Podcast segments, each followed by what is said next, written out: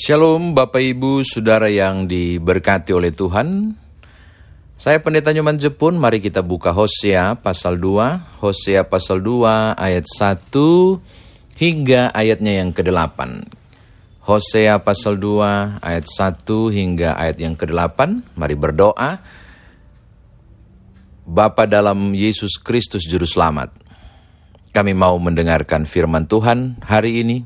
Berkatilah kami dengan hikmat untuk memahami kekayaan firman-Mu, layakkan juga hamba-Mu dan semua yang mendengarkan firman Tuhan ini untuk berada di dalam kekudusan firman-Mu. Demi Tuhan Yesus Juru Selamat kami berdoa. Amin. Hosea pasal 2, Hosea pasal 2 ayat 1 hingga ayatnya yang ke-8. Adukanlah ibumu, adukanlah sebab dia bukan istriku dan aku ini bukan suaminya. Biarlah dijauhkannya sundalnya dari mukanya, dan sina dari antara buah dadanya, supaya jangan aku menanggalkan pakaiannya sampai dia telanjang, dan membiarkan dia seperti pada hari dia dilahirkan, membuat dia seperti padang gurun, dan membuat dia seperti tanah kering, lalu membiarkan dia mati kehausan. Tentang anak-anaknya, Aku tidak menyayangi mereka, sebab mereka adalah anak-anak sundal. Sebab ibu mereka telah menjadi sundal. Dia yang mengandung mereka telah berlaku tidak senonoh. Sebab dia berkata, Aku mau mengikuti para kekasihku, yang memberi roti dan air minumku, bulu domba dan kain lenanku, minyak dan minumanku. Sebab itu sesungguhnya aku akan menyekat jalannya dengan duri-duri, dan mendirikan pagar tembok mengurungi dia, sehingga dia tidak dapat menemui jalannya. Dia akan mengejar para kekasihnya, tetapi tidak akan mencapai mereka. Dia akan mencari mereka, tetapi tidak bertemu dengan mereka. Maka dia akan berkata, Aku akan pulang, kembali kepada suamiku yang pertama, sebab waktu itu aku lebih bahagia daripada sekarang. Tetapi dia tidak insaf, Baka bahwa akulah yang memberi kepadanya gandum, anggur, dan minyak, dan yang memperbanyak bagi dia perak dan emas yang dibuat mereka menjadi batu Baal, patung Baal. Sebab itu aku akan mengambil kembali gandumku pada masanya dan anggurku pada musimnya, dan akan merampas kain bulu domba dan kain lenanku yang harus menutupi auratnya. Demikian firman Tuhan, saudara dan saya dikatakan berbahagia jika mendengarkan firman Tuhan ini, merenungkannya, memberitakannya, istimewa melakukan dalam hidup beriman kita. Bapak Ibu Saudara, kita perlahan-lahan ya teks ini kalau baca sekilas, bahkan kalaupun berulang-ulang, acap kali maksudnya apa gitu dah. Jadi kita pelan-pelan untuk masuk ke teks, kita gali dia, biarkan teksnya berbicara, lalu saudara kalau Tuhan izinkan menemukan apa maksud perikop ini. Awalnya saya mau katakan begini, mudah-mudahan ada yang mengikuti uh, khotbah yang saya sampaikan di ibadah hari Minggu. Waktu lalu membahas tentang Hosea, dalam bahasa Ibrani berarti keselamatan. Nabi ini melaksanakan tugas kenabian di utara atau di Israel. Kalau selatan berarti Yehuda tah. Nah, Bapak Ibu Saudara, Israel ini bobrok. Mereka berpaling dari Tuhan. Mereka melakukan persundalan rohani yaitu mereka menduakan Allah, mengikuti Allah lain, Baal, dan meninggalkan Tuhan. Itu disebut dengan persundalan rohani. Juga ada persundalan suci, yaitu di kuil-kuil mereka benar-benar melakukan tindakan yang mengerikan secara seksual. Eh, bertukar pasangan, bahkan sesama jenis pun dilakukan beberapa buku tafsir, saya melihat itu dan sangat amoral tindakan mereka menjauh dari Tuhan. Oke, okay? Karena gemesnya Tuhan, sulit mau ubah mereka. Akhirnya Tuhan bilang, Hosea, tolong lihat pasal 1, Hosea kau kawin dengan perempuan sundal namanya Gomer. Mengapa? Karena umatku telah berlaku sundal. Ya tah? Mereka bersinah dengan menyembah Allah lain, tidak setia kepadaku. Jadi perbuatan Hosea menikahi perempuan sundal adalah suatu ungkapan simbolis yang harusnya kalau Israel lihat, loh loh, kok dia kawin dengan perempuan sundal? Oh iya ya, karena kami sudah bersundal. Enggak, enggak nyampe mereka. Karena tegar tengku itu. Oke. Lalu lahirlah tiga orang anak. Anak yang pertama, kalau saudara baca disebut dengan Loruhama. Eh maaf, Yisrael. Anak pertama laki-laki yang berkata, aku menabur. Yisrael itu berarti aku menabur. Lalu kemudian Lo Ruhama, aku tidak menyayangi kata Tuhan. Lalu anak laki-laki, lo ami, dia bukan umatku. Itu bahasa-bahasa simbol juga. Oke, sudah, tiga anaknya sudah lahir ya. Sekarang mari kita masuk ke teks. Pada pasal 2 ayat 1 sampai 8, adukanlah ibumu, adukanlah sebab dia bukan istriku. Ini bahasa simbolis juga. Apa sih sebenarnya yang terjadi? Ternyata kita menemukan ayat 3 dan ayat yang keempat. Rupanya Rupanya Gomer melarikan diri dari Hosea. Kalau kita menangkap ya, walaupun ini sebenarnya menunjuk ke Israel. Tapi sebentar, sabar Bapak Ibu. Meninggalkan Hosea, apa buktinya? Lihat ayat yang ketiga, pasal 3, ayat 1. Pergilah, cintailah perempuan yang suka bersunul bersinah seperti Tuhan juga mencintai orang Israel. Jadi, pergilah lagi. Jadi,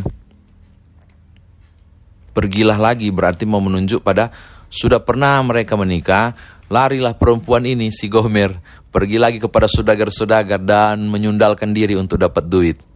Nah, pada ayat, ayat 3 dan ayat 4 pasal 2, saya menduga cukup kuat, Gomer melarikan diri menghasilkan anak, anak kedua dan anak ketiga. Mengapa?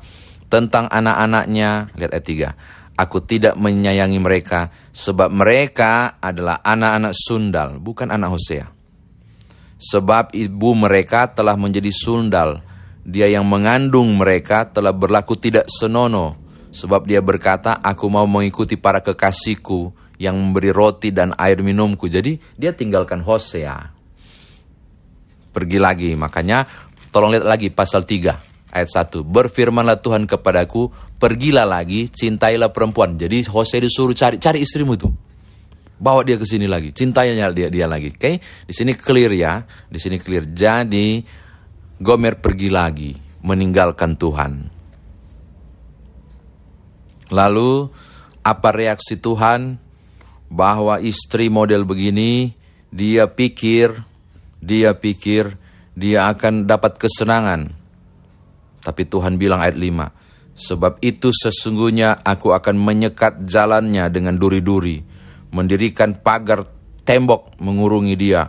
Dia akan ayat 6, dia akan mengejar kekasihnya tetapi tidak akan mencapai mereka. Lihat ayat 5 dan 6 ya. Ayat 7 uh, eh, maka dia akan ber uh, sorry, ayat 6 dan ayat 5 dan 6 saja. Maka kita simpulkan Tuhan marah. Gomer berpikir dia bisa sejahtera. Tapi lihatlah saya akan permalukan dia. Aku akan buat dia telanjang itu mempermalukan. Itu yang terjadi. Lalu kemudian rupanya si Gomer insaf, aku akan kembali ke laki-laki itu, ke Hosea. Tapi tetap juga kepala angin itu terbukti di ayat yang 8, ayat yang ketujuh. Tapi dia tidak insaf bahwa akulah yang memberi kepadanya. Nah, ini catatan awal sudah, ini kisah realnya. Sekarang maknanya. Maknanya kata aku katanya di sini pakai huruf besar berarti bicara soal suami. Tapi suami yang dimaksud bukan Hosea, tetapi suami yang dimaksud adalah Allah. Siapa istrinya? Israel Utara. Disamakan dengan siapa? Dengan si Gomer. Gomer, si pesundal itu. Bahwa mereka tidak setia. Sudah diikat perjanjian dengan Tuhan, kawin toh? Ikat perjanjian dengan Tuhan, perjanjian keselamatan. Oh enggak, mereka tetap berlaku tidak setia mereka berpikir mereka ingin mendapatkan lagi yang lebih baik dari Baal, dari Allah lain. Ya ampun, mereka ingin dapat sesuatu yang lebih lagi itu. Eh ternyata mereka nggak dapat apa-apa. Lihat ayat 5 dan 6. Akhirnya sadar lagi. Ah, aku mau berbalik kepada Tuhan. Ah, lihat ayat 6 bagian akhir. Maka dia berkata, aku akan pulang kembali kepada suamiku yang pertama. Ini kisah Gomer sebenarnya. Sebab itu aku lebih berbahagia daripada sekarang. Maksudnya makna simbolis menunjuk kepada aku akan kembali ke Tuhan. Ternyata aku lebih bahagia dengan Tuhan. Oke, wah ini bagus. Berarti Israel so bertobat. Eh tujuh lihat. Ternyata enggak. Tetapi dia tidak insaf bahwa aku yang memberikan kepadanya gandum, anggur, minyak, bla bla bla. Makanya ayat 8, penghukuman akan terjadi. Apa itu?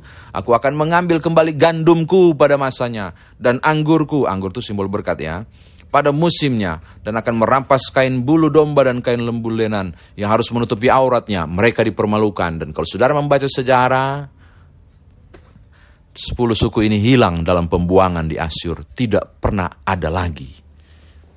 Begitu. Jadi ketidaksetiaan Gomer, ceritanya gini kan Bapak Ibu, Gomer ini perempuan sundal. Hosea selamatkan kawini dia. Wah, eh dia pergi lagi menyundalkan diri. Begitu. Eh dia balik. Saya ternyata harus balik ke Hosea karena saya nggak dapat apa-apa di luar sana. Tapi dia nggak insaf. Nah, inilah yang terjadi di Israel juga. Peristiwa itu terjadi persis sama dengan kelakuan Gomer.